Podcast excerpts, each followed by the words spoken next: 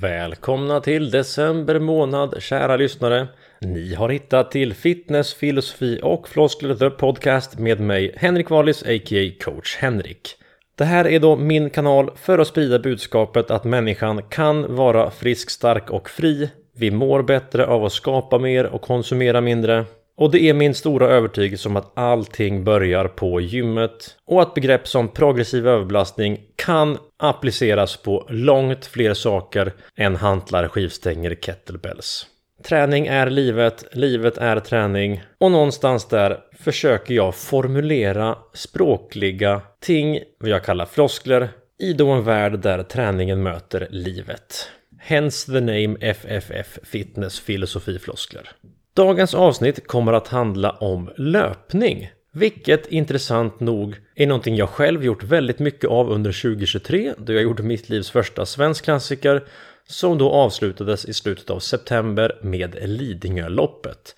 Jag har lärt mig mycket om löpning i år men kanske allra mest har jag intresserat mig för träning som ett sätt att skapa mentalt headspace, hälsa och jag ser det som någonting människor kan använda för att det är hållningsbaserad konditionsträning, egen kroppsvikt. Och vi ska alltid kunna klara av att springa 5 km utan att bli trötta. För då har vi en kroppssammansättning som gynnar oss långsiktigt. Vi är tillräckligt starka och tillräckligt flåståliga för att inte ligga i någon form av hälsoriskzon. Med det här avsnittet så möter jag någon som rör sig motsatta vägar från jag i livet. Och det är ganska befriande att träffa Viktor idag och prata om löpning men fokusera mer på prestationshållet och mindre på hälsohållet. Viktor arbetar sig in på att springa bredvid Sverige-eliten på distanser som 10 km och 21 km och han är något så fruktansvärt snabb och är något så fruktansvärt metodisk, kalkylerande och datakåt i sin träning på sätt som jag ganska mycket har rört mig från. I takt med att jag intresserar mig mer för människan, hur människan interagerar med andra människor och med ting som motstånd, antifragilitet, medmänsklighet, självkännedom, utveckling, intuition, sånt som människor ofta tappar i ett datadrivet, modernt, hypersnabbt samhälle, så har Viktor snarare valt att bemästra dessa moderna ting och mätpunkter för att optimera prestation på löpning. Där Viktor har en så pass gedigen styrketränings och conditioning bakgrund från att ha spelat mycket hockey, haft vad han kallar för Sovjet-style coacher i gymmet, så är han nu på en nivå där han inte ens styrketränar mer än ett pass i veckan med klubben och han verkar inte gå sönder. Peppar peppar ta i trä. Vilket då är raka motsatsen från 99% av Sveriges motionärer och specialister som kör alldeles för mycket grenspecifik cykling, löpning, simning och alldeles för lite styrketräning. Här förstod Viktor och jag att vi hade oändligt mycket att prata om samtidigt som vi fick bägge två hålla oss själva i tungan för att inte drifta iväg och hålla oss off track på samtalet som vi då väljer att kalla för löpning i teori och praktik. Vill du efter avsnittet komma i kontakt med Viktor och eller mig så har du kontaktuppgifter i show notes för vi jobbar nämligen bägge två med coaching. Jag är då mer strength coach, kom i badbyxeform, tänker mer livsstil, kost, träning, tänker också en hel del mer grupper och då män som samlas. Viktor rör sig på motsatta sfären, han jobbar mer med kondition, mer individualiserad träning, strikt mot prestation inom fältet löpning. Så jag hoppas att bägge våra två infallsvinklar kommer till användning för dig som lyssnar idag. Stay tuned för eftersnack om vad som händer mer på fitness, filosofi och floskler. Vare sig det är personlig träning, gruppträning, diverse merchandise, julklappar, framtida coachinggrupper och andra spännande projekt. Vi välkomnar in Viktor i dagens samtal. Coach Henrik Out.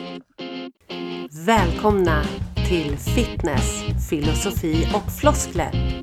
Din podcast om träning och den ädla konsten att leva och vara frisk. Med er värd, Henrik Valis. Yes, gott folk! Välkomna tillbaka till Fitness, filosofi och floskler avsnitt 33 med mig, er värd Henrik Valis. Idag har vi en gäst som helt enkelt är Hockeyspelaren som bytte skridskorna mot löpskorna. 37 år ung, men ändå kategoriserad veteran inom sporten löpning. Han har arbetat sig in på toppen bland Sveriges bästa löpare på distansen 10 km där han kommit under det magiska 30 minutersstrecket. En förtroendeingivande löpcoach med en ännu mer förtroendeingivande mustasch. Kolumnist på Runners World, före detta KTH-student och dessutom fastighetsmäklare i tidigare liv. Sveriges kanske enda löpningsinfluencer, om det nu finns något sådant. Han springer snabbt och långt och han har dessutom kul på kuppen. Viktor Smångs, välkommen! Tack så jättemycket Henrik. Vilken, eh, vilken fin presentation, tack så jättemycket för den. Vill du fact-checka något? Nej, men jag tyckte du fick med eh, det absolut viktigaste, så jag, jag är nöjd med den. Ja, ja, men kul. Du är jättevälkommen hit. Men först och främst är jag ju lite orolig. Jag ifrågasätter ju din mentala hälsa. Du säger att du tycker om att springa 400 meters intervaller. Vad säger det om dig som människa?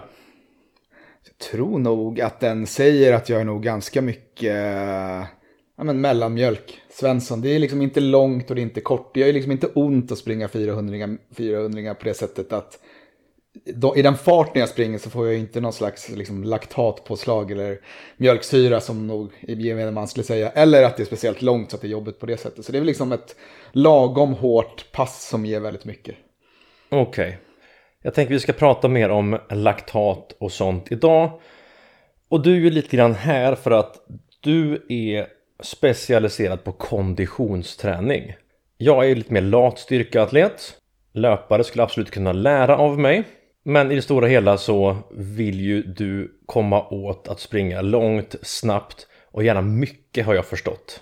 Det stämmer bra och där tror jag att dina spetskunskaper även kommer väldigt mycket till nytta.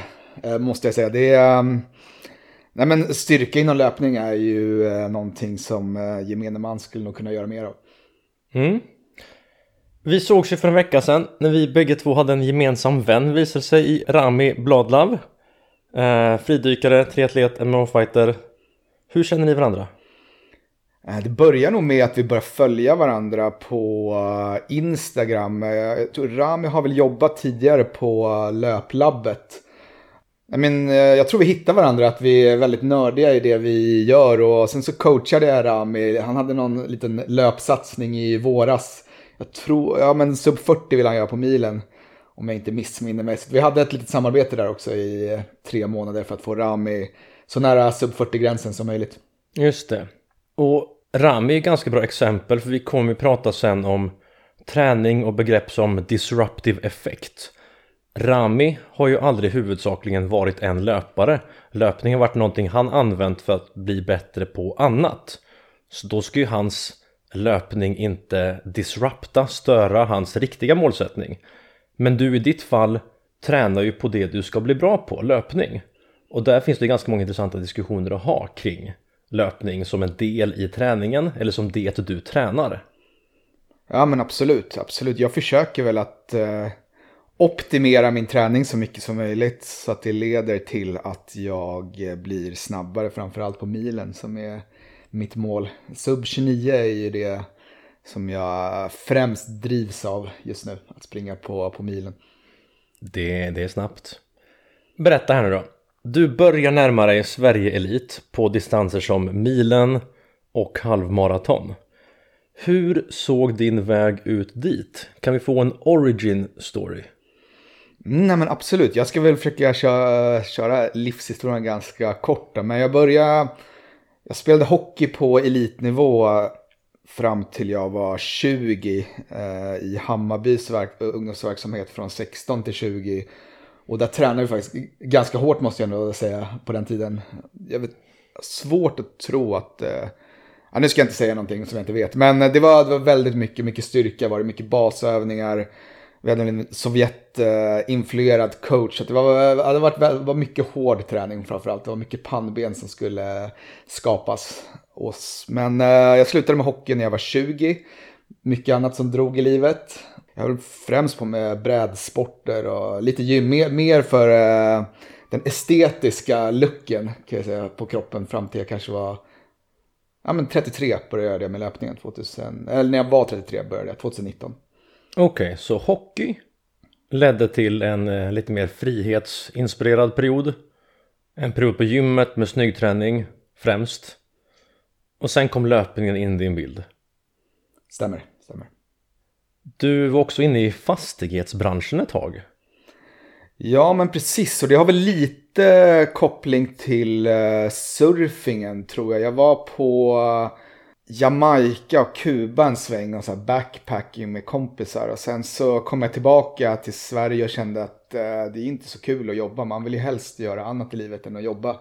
Så det var väl lite den där, uh, hur ska jag göra för att jobba så lite som möjligt och göra det jag vill så mycket som möjligt. Och då kom jag väl in, jag läste väl någon sån här ekonomibok som jag köpt på Arlanda hur man ska få en passiv inkomst. Tim Ferris eller? Nej, men det var den här Rich Dad Poor Dad. Ja, det är en klassiker. Så då var, det, då var det ju mycket fastighetssnack och då tänkte jag så här, jag gillar ju siffror så att det här kanske är min, eh, min grej. Så då började jag, jag hade ganska dåliga betyg från gymnasiet, jag gick på hockeygymnasium, det var väl det som var fokus, man ville bli NHL-proffs. Um, så jag pluggade upp, men jag har haft ganska lätt för matte så jag pluggade upp uh, betygen och kom in på KTH från eh, högskoleprovet. Och den här lilla sessionen med eh, brädsport surf. Min förra gäst podden var ju en gammal eh, skateboardlegend. Right. Som var världsskatare på tidiga 80-talet. Okej, inte typ Tony Magnusson? Ja. Nej, Mats Trane hette han. Okej, okej. Och vi pratade liksom om vilka prioriteringar du får när du lär dig att kanske jaga upplevelser och känslor och ha en recreational activity du bara vill och vill och vill göra. Jag upplever att människor som är uppvuxna med brädsport har nog mycket lättare att ha aktiva liv sen. För man tycker så mycket om att liksom ha en aktiv vardag, att röra på sig. Liksom det är det vi gör. Du är så mycket mer än en KTH-student. Ja men eh, jag håller helt, det, det, jag tycker det är ganska fascinerande då. Jag är, jag är ju född 86 så att jag, var, jag skatade ju mycket under den här boomen på slutet, slutet av 90-talet. Och du kan ju se, men många som var de bästa skaterna då, även de som öppnade butiker är ju ganska framgångsrika när det gäller men allt möjligt i livet just nu. Så jag tycker det är ganska fascinerande. Men fastighetsbranschen varar ett tag och du jobbar nu på heltid med löpning.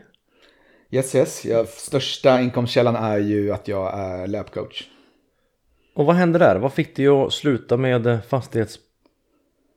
Det vart nog ganska naturligt. Jag, jag jobbade i slutet mest på liksom kommersiella sidan. Att uh, som tenant representation heter att man liksom hjälper företag att hitta lokaler, förhandla mot fastighetsägare och så vidare. Um, uh, det, vart, det är ganska bistra tider nu så att det vart väl ganska fin fejdning in att jag hade fått ett erbjudande av eh, ett företag som håller på med online coachning och eh, jag var ju intresserad av det men sen, och sen var det ju liksom att fastighetsbranschen började bli, det började bli sura tider så jag tänkte väl att nu är det kanske någon som eh, säger någonting där uppe att säga att det är dags nu att fokusera på din passion. Hmm. Och du har inte ångrat dig misstänker jag? Nej, det har jag inte gjort. Det har varit ett eh, ja, men väldigt kul år. Det har varit ett eh, händelserikt och ganska stressigt år, men eh, på gott och ont. Men det har varit eh, ja, men extremt nöjd med valet. Men varför är du bra på löpning? Jag tror väl att det är, väl, det är väl många variabler där, men dels så har jag ju eh, genetiken, får jag väl säga. Hockeyn var det ju alltid så att man man körde någon slags 3000 meter som man kallade Cooper-test efter sommaren för att se om man hade skött sig på sommarträningen. Och jag tror väl inte att jag har fått stryka av någon hockeyspelare någon gång i ett sånt test. Och min brorsa var ja, men väldigt bra 200 meters löpare och sen har jag olympier i släkten på mammas sida som var med som eh, löpare. Så jag, genetiken är nog helt och hållet där. Eh, och sen så från hockeyn har jag ju såg ju på det här första labbtestet som jag gjorde när jag, som, som löpare att jag har väldigt högt V2 max.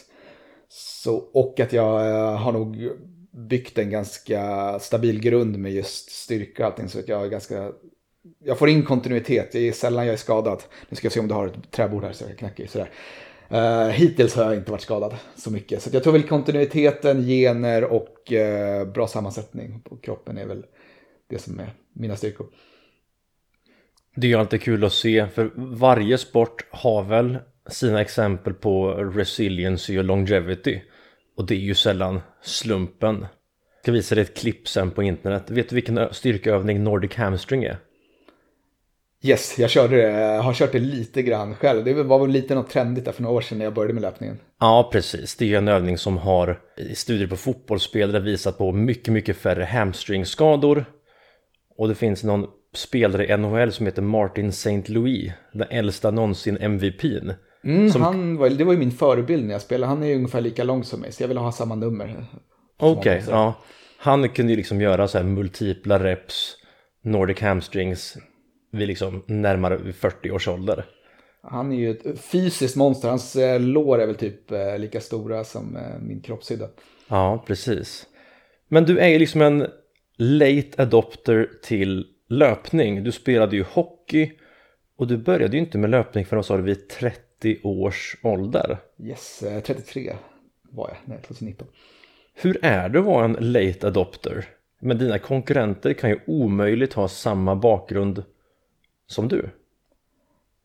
Jag tycker, jag, jag gillar ju utmaningar. Så jag, jag, liksom, utmaningen att Dels så tycker jag ju, oftast när jag har gjort någonting, till exempel skateboard eller, eller hockey. Jag har ju slutat för att jag inte, för att jag har, min analys har varit att jag inte kommer bli på den nivån som jag tycker att det är värt att lägga ner den här tiden för att ta nästa steg.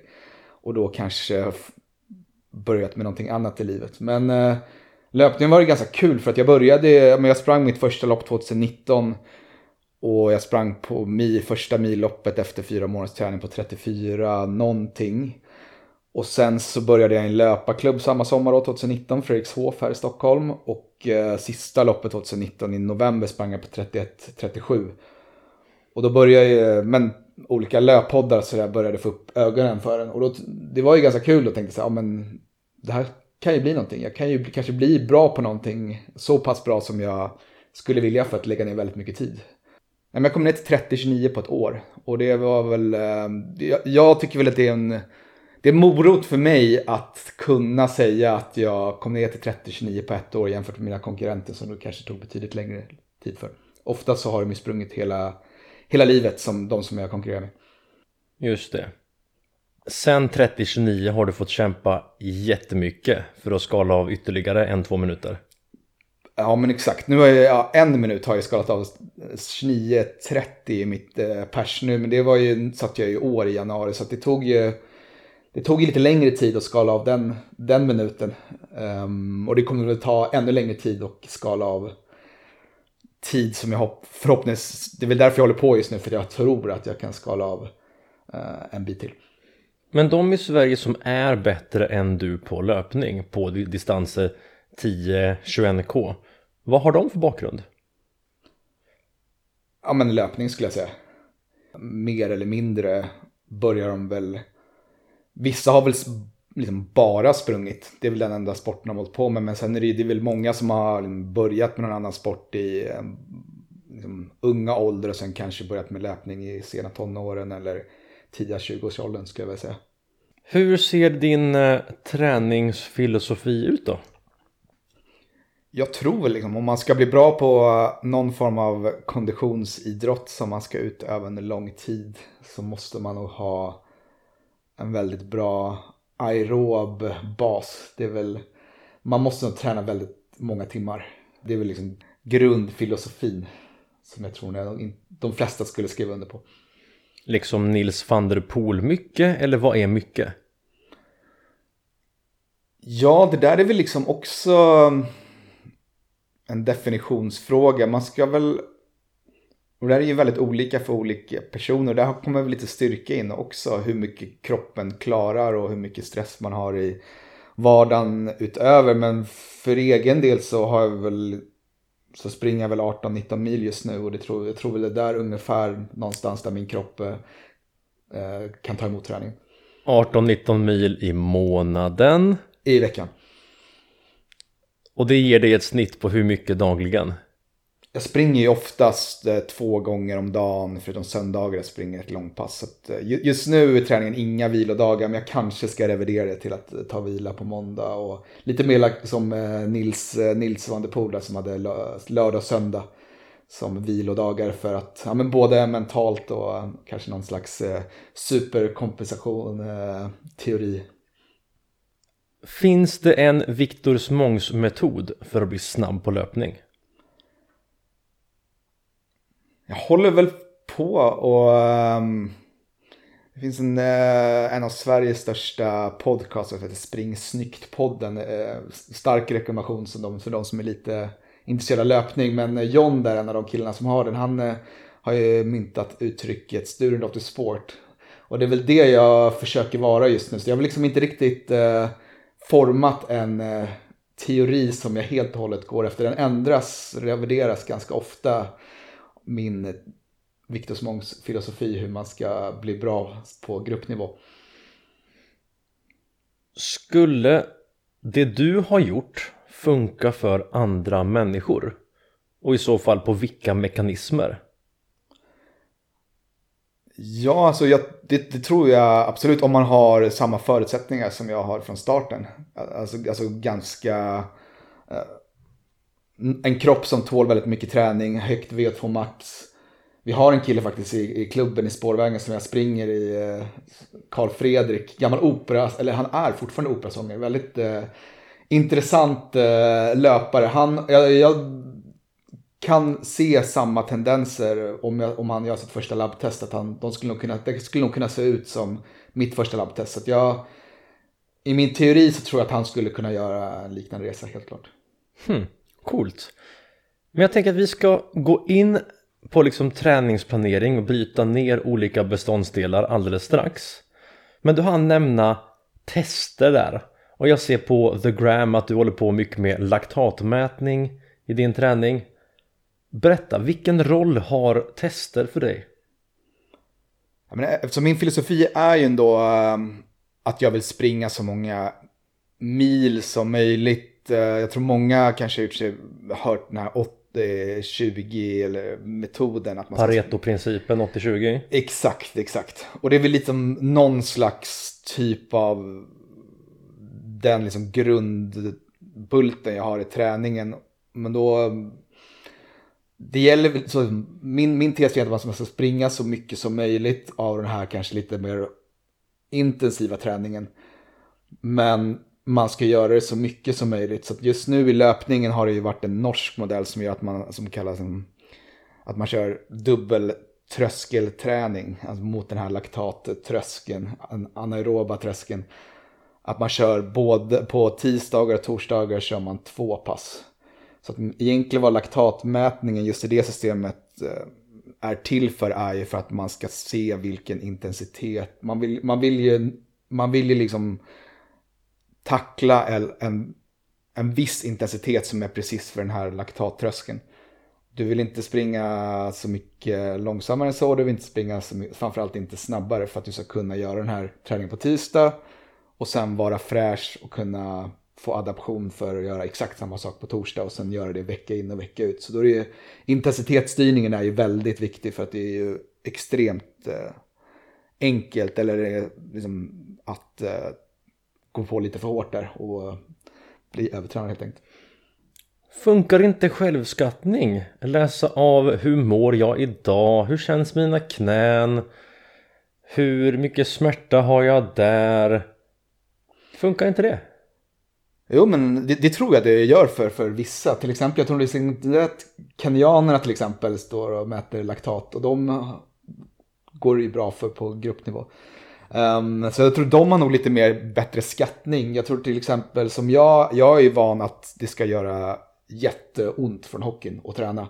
Så när jag liksom ligger på de nivåerna som jag vill ligga på så känns det knappt som träning. Om jag gör till exempel 25 gånger 400 meter med 30 sekunders vila och ligger på det laktatmålet som jag vill efter en mätning så känns det som att jag kan göra 25 till. Och det är 25 intervaller till och det är liksom inte en träning som man är van med från hockeyn utan där är jag ju mer all in träning har det varit för när jag liksom tränar hockeyn. Mm. Och det där blir ju ganska svårt när vi som coacher ska ge råd till människor. Om man i styrketräning lär sig om begreppet failure och så får, får en person som är nybörjare kanske lite rädd för ansträngningar om att nej men det är inte bra att träna till failure varje gång, det är slitsamt. Men det är egentligen ett lyxproblem att upptäcka. Först måste du kanske lära dig att ta i före du kan lära dig att backa iväg från ta i-principer. Så det är nog med din hockeybakgrund och kanske liksom förväntan om att träning ska göra ont enligt Sovjetskolan du är uppvuxen i så kanske du nästan behöver dina tester mer än gemene man. Ja, absolut, det, det, det, tror jag. Jag tror att även liksom löpningen så som det var innan den här typen av träning har blivit populär så var det också mer köra väldigt hårt. Så jag tror, oavsett om man kommer kanske från någon så här fotboll hockeybakgrund eller att man har kört tidigare löpträning så har nog um, den liksom, nya trenden som är nu att man ska träna lagom hårt och mycket är nog svårt för folk att liksom, inse hur låg den intensiteten ska vara. Skulle mm. jag säga. De flesta jag coachar som, har, eh, som är nördiga och kanske köpt en sån här laktatmätare och sen så har de gjort ett test på någon slags labb och sen så styr de vilka laktatnivåer de ska ha i blodet efter en viss intervall så är det ju sällan någon säger så här, men det här kändes eh, perfekt och lagom åt. Alla säger jag skulle, jag skulle kunna sprungit väldigt mycket snabbare på de här intervallerna. Och då får man ju säga, det är det som är meningen.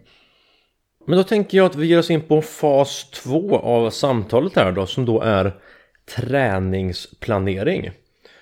Och då är jag förstås nyfiken Viktor på hur du som löpare ser på olika begrepp och variabler. Du har ju nämnt volym en hel del, men om du bara svarar på liksom volym, dina 18-19 mil i veckan. Vilken roll har volym för en löpare som vill utvecklas? Alltså om det är på långdistans så skulle jag säga att det är ganska, ja men väldigt stor eh, betydelse. Mm, jag tycker man liksom, just det här liksom energisystemet att kunna använda fett som energi istället för kolhydrater det systemet tror jag liksom inte man får med sig från, från oftast om man kommer liksom från hockey, fotboll och så vidare så är det ju mer liksom högintensiva sporter och just jag var ju väldigt liksom oekonomisk som löpare. Jag var väl liksom mer av en Ferrari än någon slags eh, Tesla och jag tror liksom att det på eh, befolkningsnivå är problemet att man kommer behöva bli väldigt mycket mer energisnål och det blir man om man, om man springer mer helt enkelt. Kroppen blir bra på det den gör.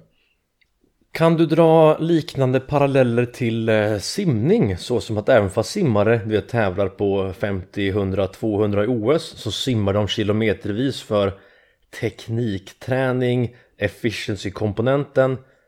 Är det det du vill åt med volymträningen eller vad är det du vill åt med all volym?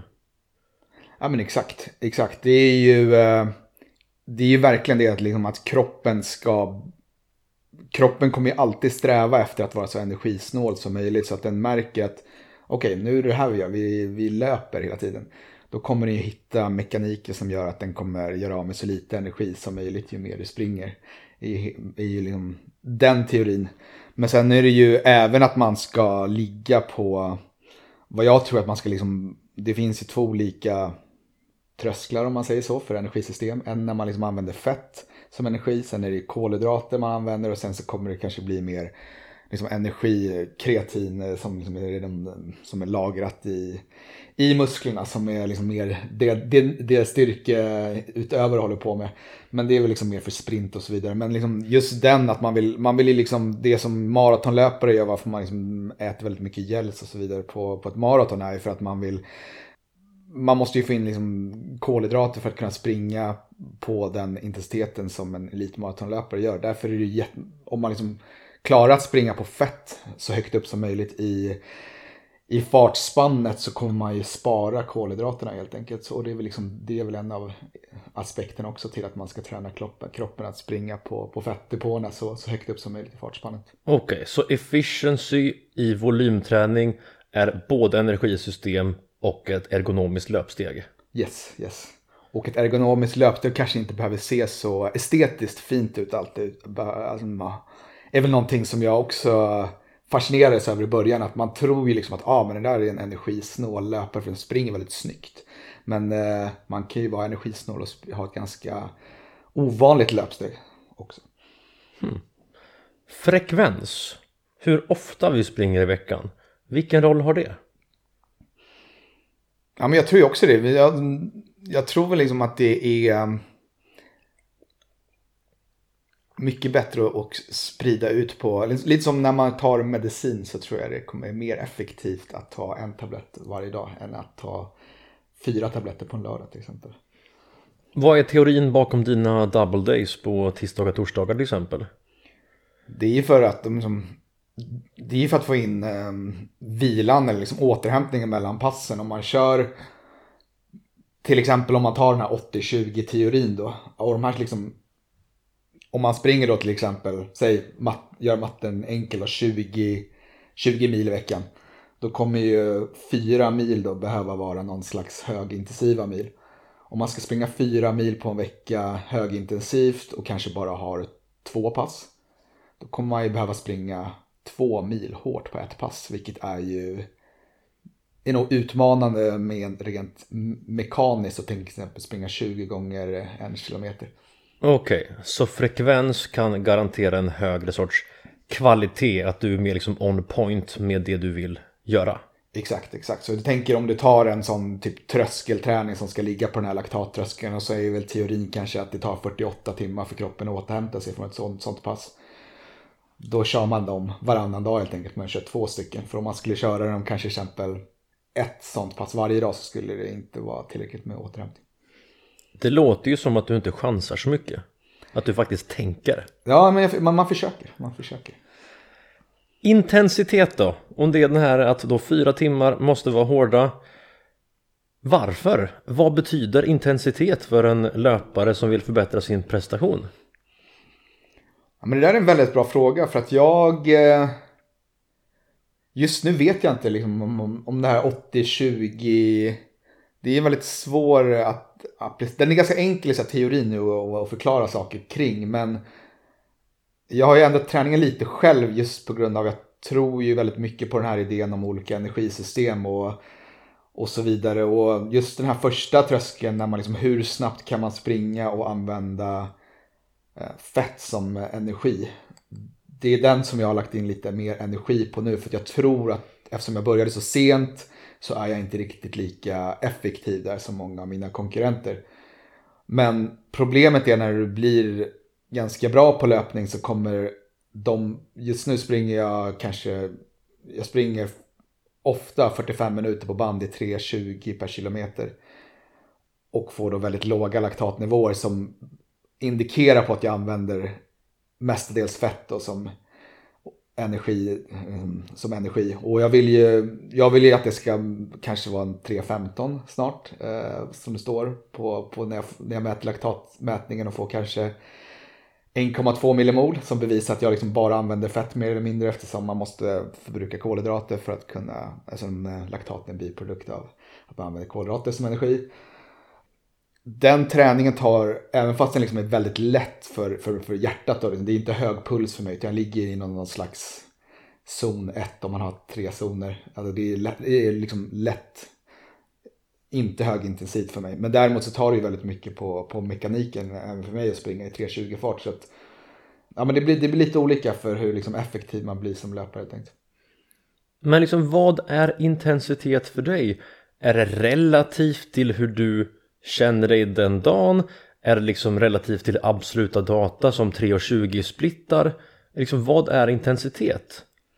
Alltså för mig i min egen träning så är det nog, jag går väldigt mycket på eh, nej puls, eh, laktat och vill, vara, vill se att ett visst energisystem arbetar. Och för mig är det lågintensivt när man använder fett som energi eh, och inte kolhydrater eller kreatinfosfat.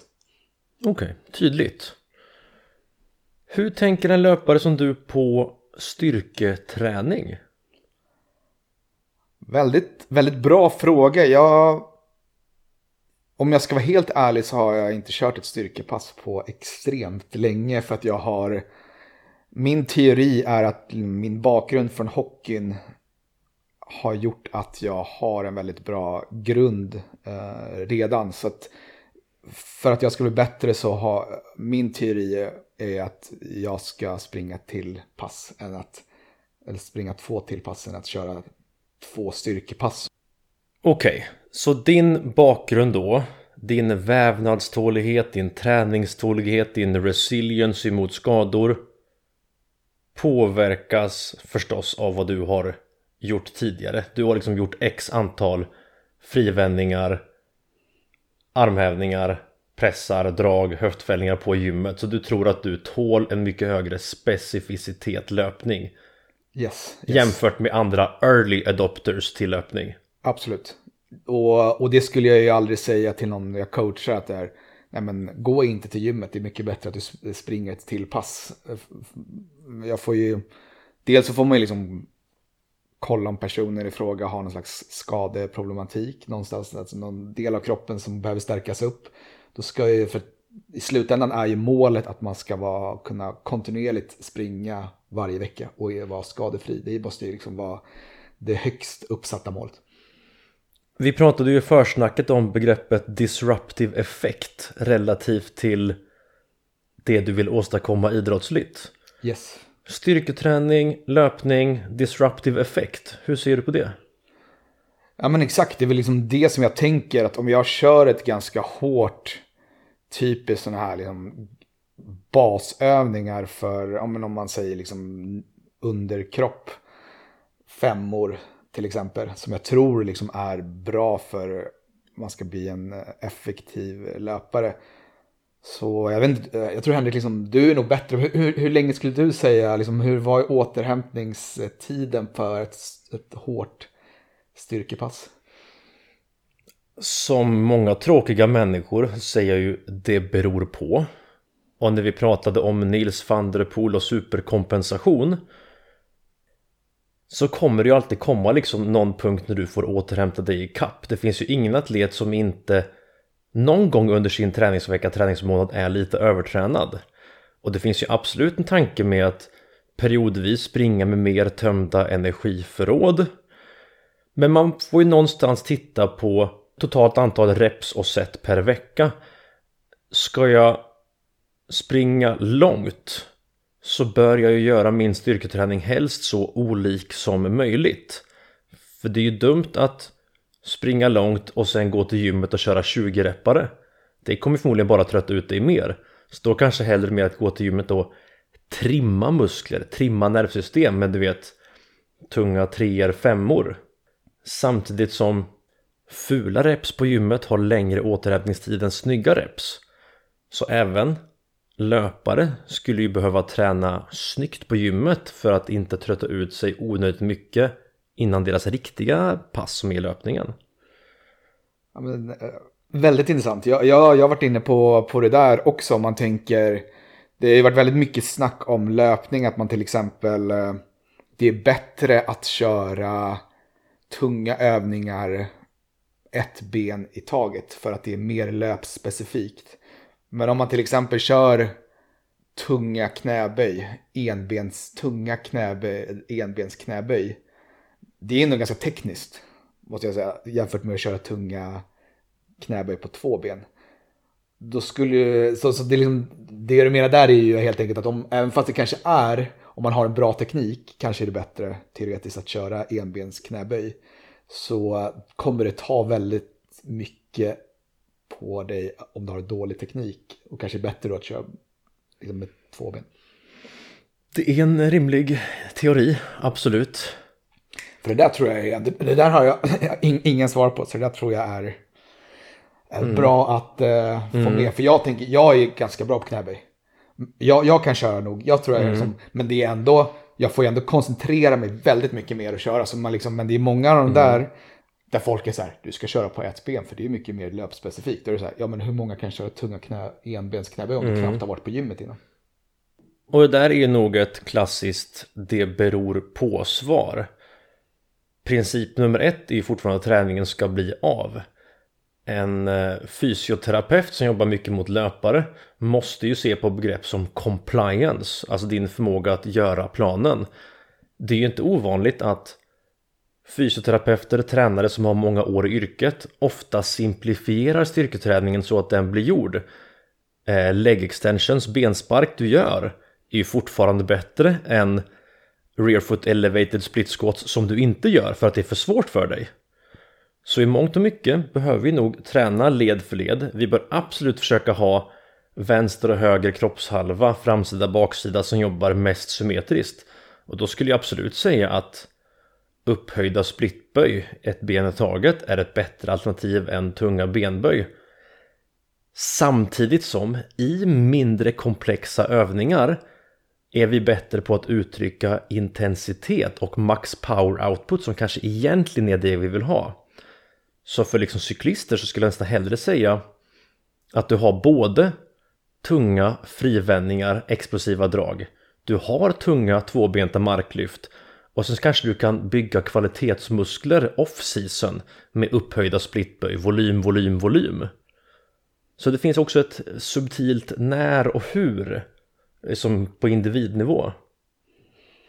Ja, jag, är med, jag är med. Jag är med. Och, men, nu, nu, jag gillar ju den här övergången nu till mer eh, styrka. För här, här kan ju du eh, lära mig väldigt mycket tror jag. Och för att liksom, om, om man liksom läser teori, vad, vad, gör, liksom, vad är bra för en löpare och eh, liksom, gäller styrka så är det ju liksom tunga repetitioner och plyometrisk träning som är eh, det som, eh, som liksom oftast står som, som recept för löpare. Liksom, den plyometriska delen, och nu har vi liksom gått igenom den, den hår. hur, eh, vad, vad, tänker du där? Vad är det som gör att den plyometriska delen kommer göra dig till en, till en bättre löpare?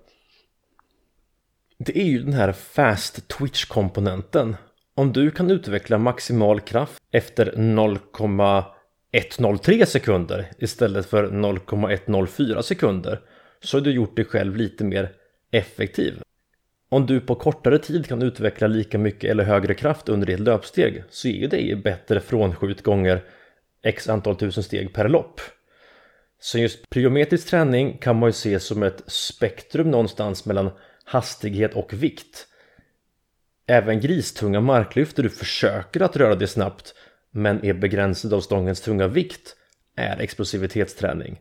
Så man kan liksom se ett spektrum mellan tunga marklyft till medeltunga frivändningar till kast med boll till endast hopp med upp på en låda som liksom olika spektrum i explosivitetsträning. Sen skulle jag säga att löpare måste ju också titta på totalt antal smällar. Hur mycket du tål.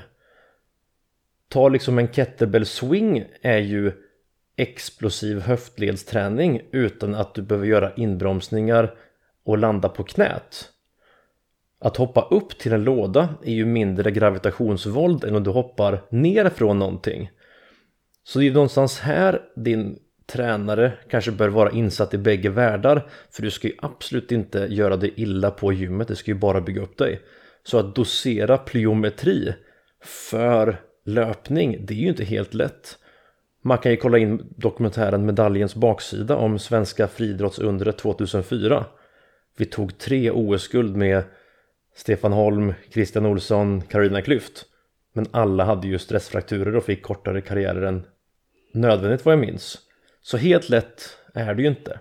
Det, det här är liksom sjukt intressant. Eh, den här bit, biten. Jag, jag känner liksom nu när snön har fallit så känns det som att eh, det är många som frågar, frågar mig framförallt på Instagram just liksom styrketräning och så här. Och liksom, mycket om man läser liksom i löpning, om man tänker i eh, na, men, litteratur, men även liksom magasin eller vad man ser på Instagram så är det ju liksom, backträning är någonting som liksom många säger, det här är liksom styrka i löpform. Men liksom hur, hur skulle du ställa dig till det? Är det liksom tillräcklig eh, liksom kraftproduktion eh, för att kalla backträning styrka? Eller hur skulle du säga det? Det skulle ju falla någonstans på ett spektrum längre åt styrketräningshållet än endast aerob träning. Men nej, jag säger absolut att du behöver gå till gymmet och hålla dig i ett sub 8-10 reps spektrum för att egentligen ska vara mest bang for the buck utan att ha kanske en för mycket disruptive effekt. Men förlåt, innan vi nördar in oss för mycket, vi kommer nog tillbaka till styrketräning hoppas jag. Återhämtning. Vad betyder den variabeln? För mig är ju den variabeln, eh, den betyder lika mycket som träningen. Och jag, jag är väl minst lika nördig med återhämtningen som jag är med, med träningen. Sover med min Garmin-klocka. Första jag gör är väl inte att gå in på Instagram utan jag kollar väl liksom eh, i appen hur sömnkvaliteten har varit, hur återhämtad jag har varit. Eh. Jag har ju lyxen att inte jobba ett 9 5 jobb så om jag ser att mitt body battery som, eh, som det kallas i min app går ner lite för snabbt för att stressnivåerna är för höga så har jag inga problem med att ta till exempel en två timmars eh, nap mitt på dagen. Och det är, väl, det är väl en av mina styrkor där också, att jag är, jag är bra på att somna snabbt. Och det här talar ju faktiskt emot då att du skulle vara löpinfluencer. Influencers håller på med alla möjliga konstiga ting och vanor. Det verkar bara vara riktiga idrottare som förstår att återhämtning är lika med sömn. Ja men exakt, det är ju jag tror jag det absolut bästa sättet att återhämta sig på är att sova. Bastu, kallbad, massagepistoler. In, det, det, det, är, det är nog säkert bra och det är väl liksom mer om, nu skulle vi inte vara så nördiga men det är väl mer mitokondrie diskussionen med just eh, kallbad och bastu och pistoler kan nog säkert vara bra för, eh, för muskulaturen det finns mycket bra norsk forskning just på tonus runt muskel, muskler. Men, eh, men liksom, sömnen är såklart liksom, det är ju det som är the bread and butter när man pratar om återhämtning. Kost, vad har det för roll? Ja men också samma sak där. Jag, är, men jag loggar allting, ser till att jag får in tillräckligt med protein, kolhydrater, ja, men, liksom kalorier för, för det jag håller på med varje dag. Så det, det blir liksom på en det är någon slags mik mikrocykel dag för dag. Jag ser vad, vad, vad, energibehovet är för dagen. Om det är en lättare dag så kommer jag lägga kosten efter det. Om det är en hårdare dag så kommer jag lägga kosten efter det. Under träning, under lopp, vad har du liksom för strategier med kolhydrater, mineraler, hålla din intensitet uppe?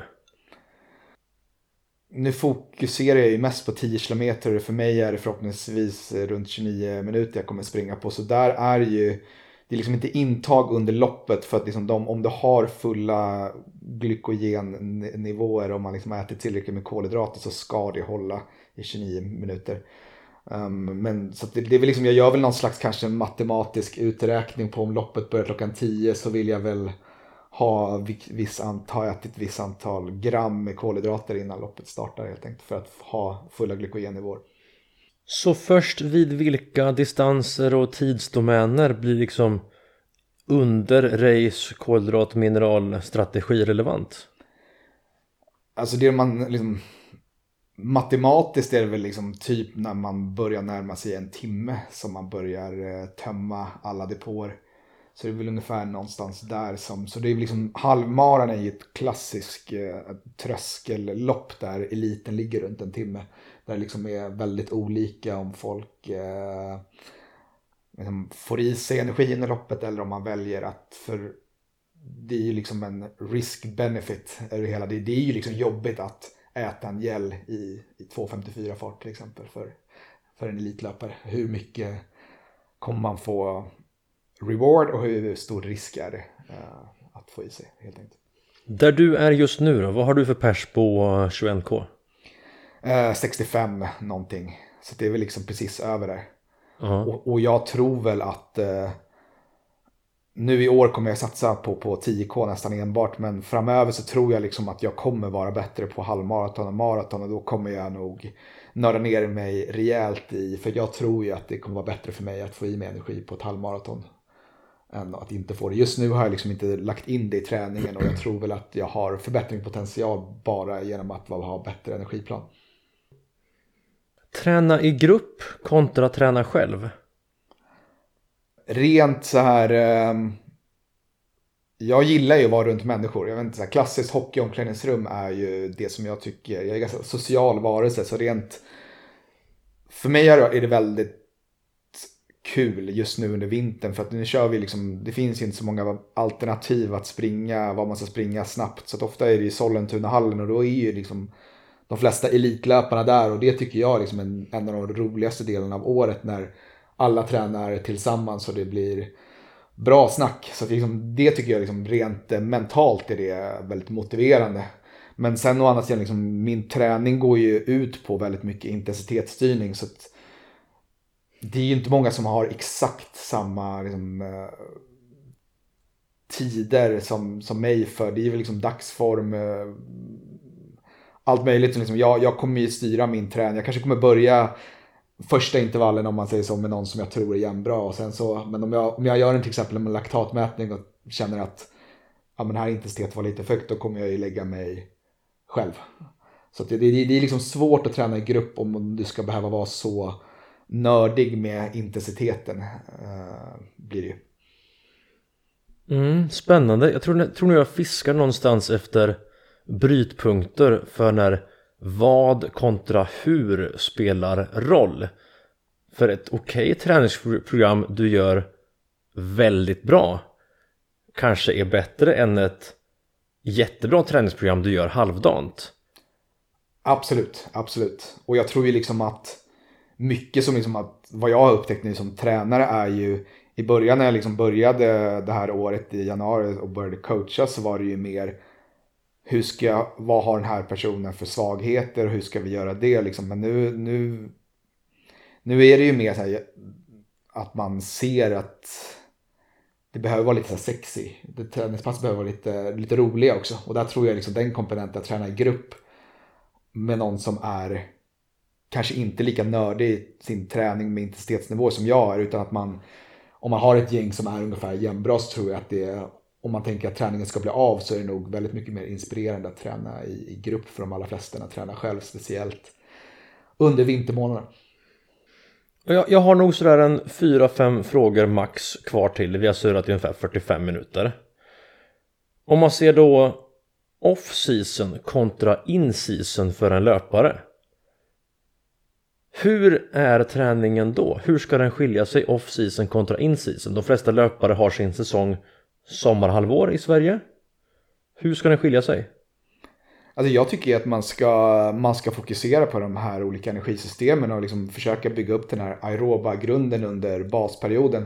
Och då kanske liksom det vi har pratat om, få in den här liksom tunga basövningarna också som kanske gör att man, om man kör en tung basövning på gymmet så kanske det inte är jättebra inför nära ett lopp för att det kanske kommer göra att återhämtningstiden blir eh, lidande och att något av de här kvalitetspassen blir, blir lidande. Men jag tror liksom att man sån här klassisk trattar ner att man kör väl någon slags bygger bas eh, och sen trattar ner det mer specifikt mot, eh, mot tävlingssäsongen är väl, är väl min grundfilosofi tror jag. Vi har ju sagt det förut, men en gång för alla. Ska en löpare gå in i gymmet vintertid?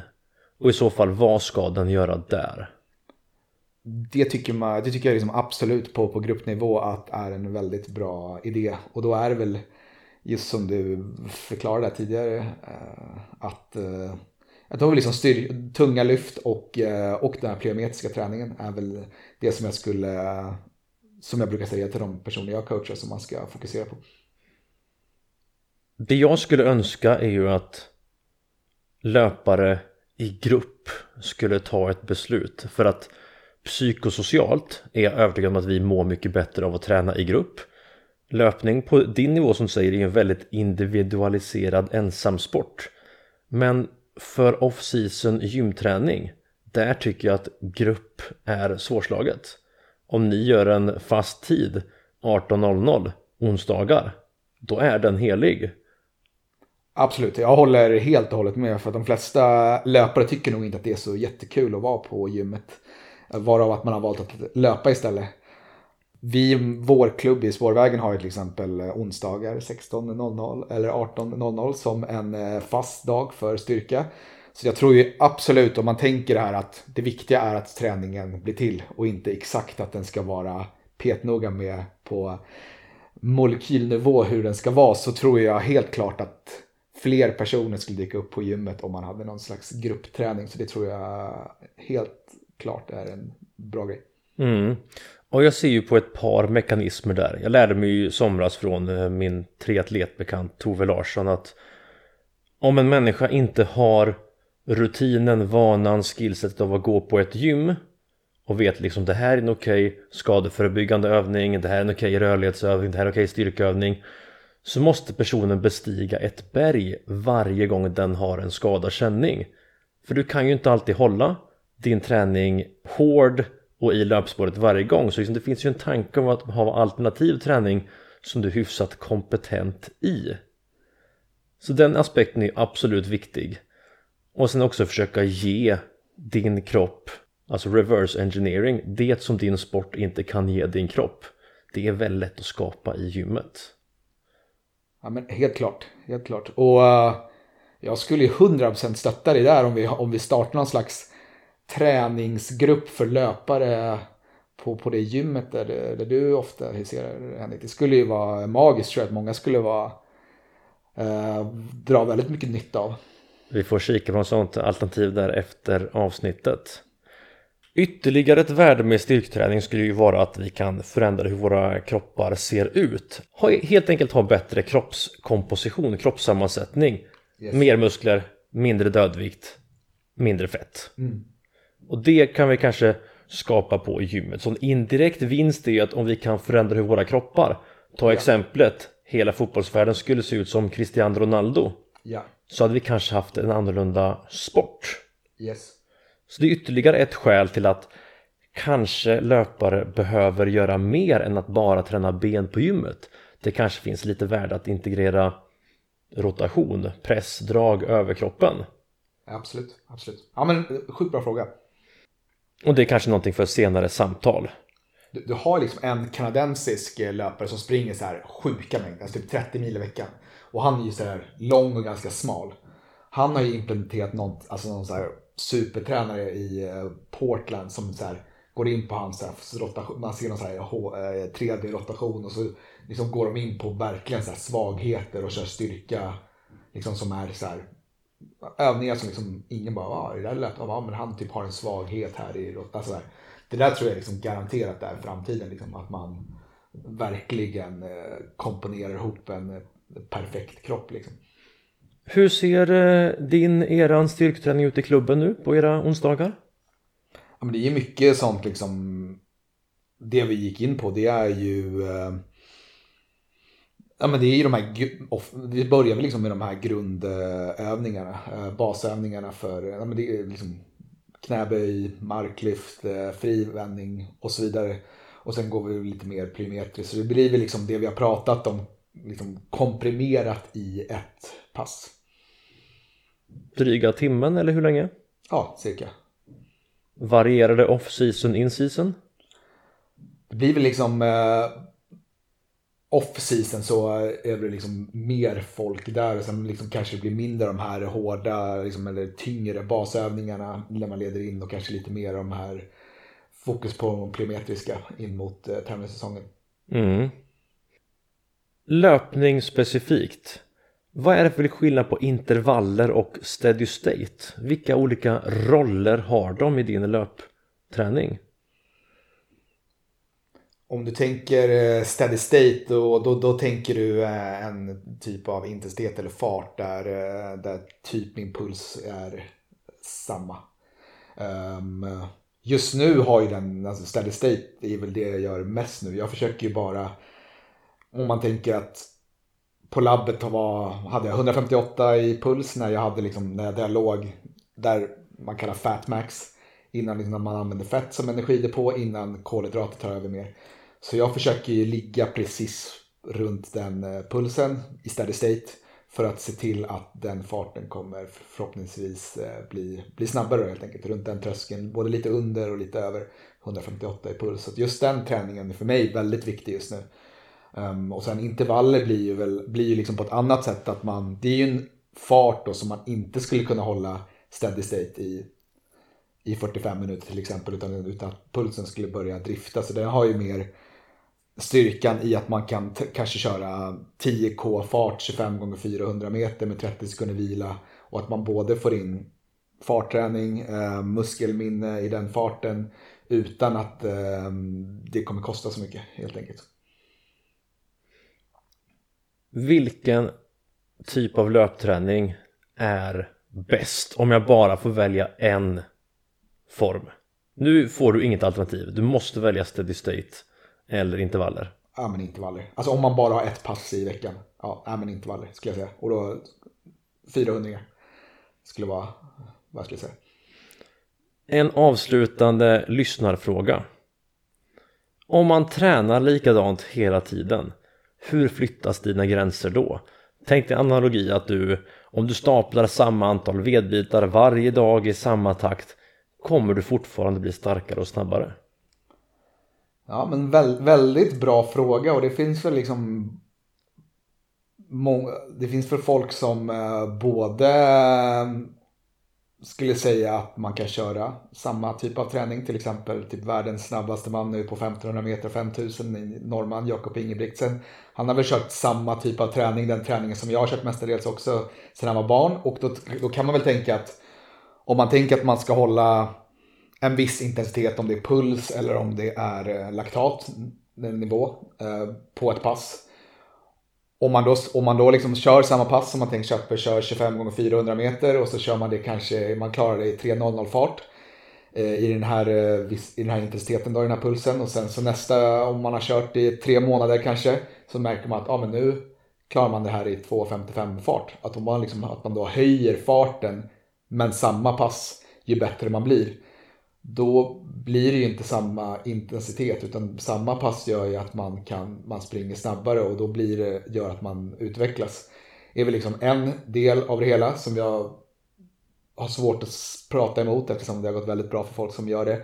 Men sen så kan man nog, liksom, för egen del har jag ju ändrat träningen nu så att jag tror väl även liksom att nya impulser och ny, liksom, um, ny typ av träning blir ett kan skapa annan typ av stimulus som gör att man utvecklas också. Liksom om man, det är väl liksom tesen både med liksom typ som värmeträning och eh, hög höjd, alltså både att man liksom blodplasma och, och så vidare, men även att, liksom att man gör någonting i träningen som är annorlunda och därmed eh, liksom tvingar fram ett annat stimuli.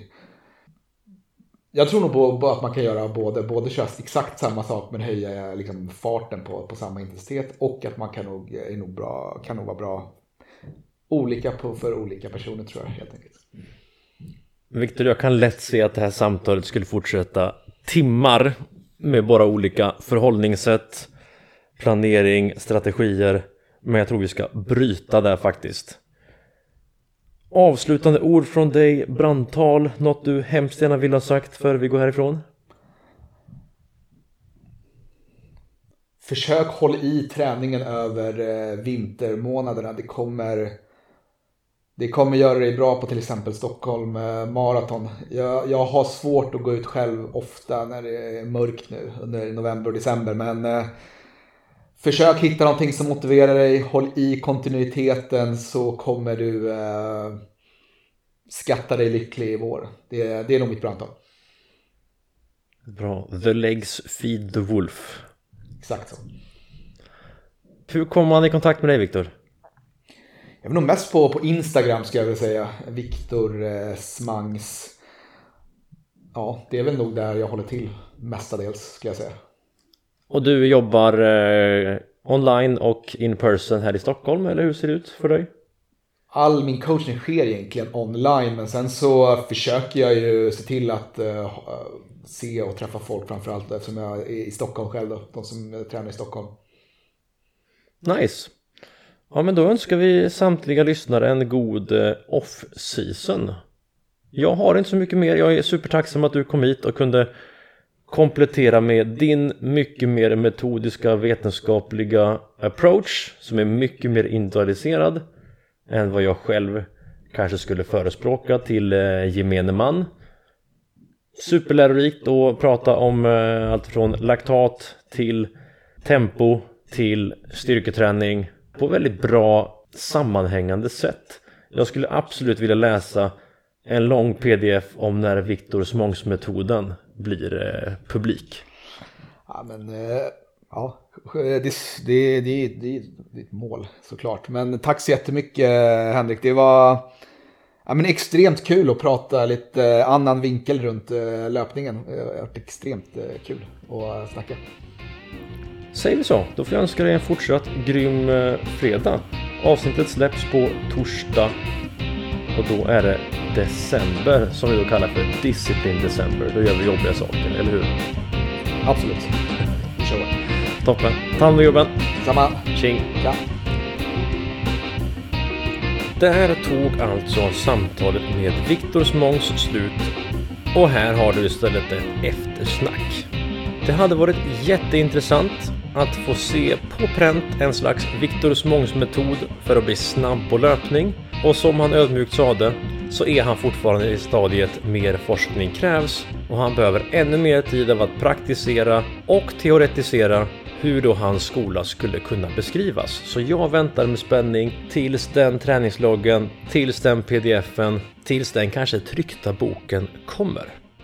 Det är skitkul att prata med en löpare som Viktor som kanske inte är lika introvert ensamidrottare utan som faktiskt erkänner att han mår bra av omklädningsrums-style, att vara omkring människor men ändå utföra sin idrott själv. Jag märkte under samtalets gång att vi hade kunnat fortsätta i timmar till och att respektive litet område skulle kunna utveckla till så mycket mer detaljrikedom med träningsplaneringar, med växelvis positiv påverkan från styrketräning och löpning och hur vi då som olika idrottare arbetar med begrepp som disruptive effekt eller att få en kompletterande träningseffekt från olika träningsmetoder.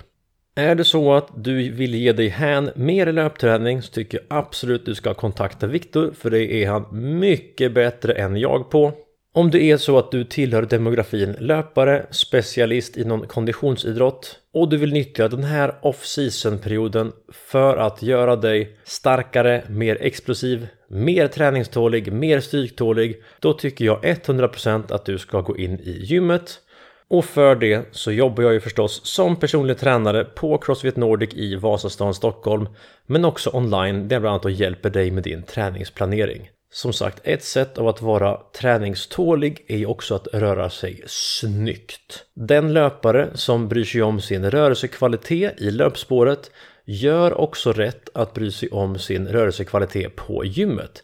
För fula reps sliter mer än snygga reps gör. Så det finns ju liksom skäl till att gå till gymmet och skapa det som din träning inte ger dig.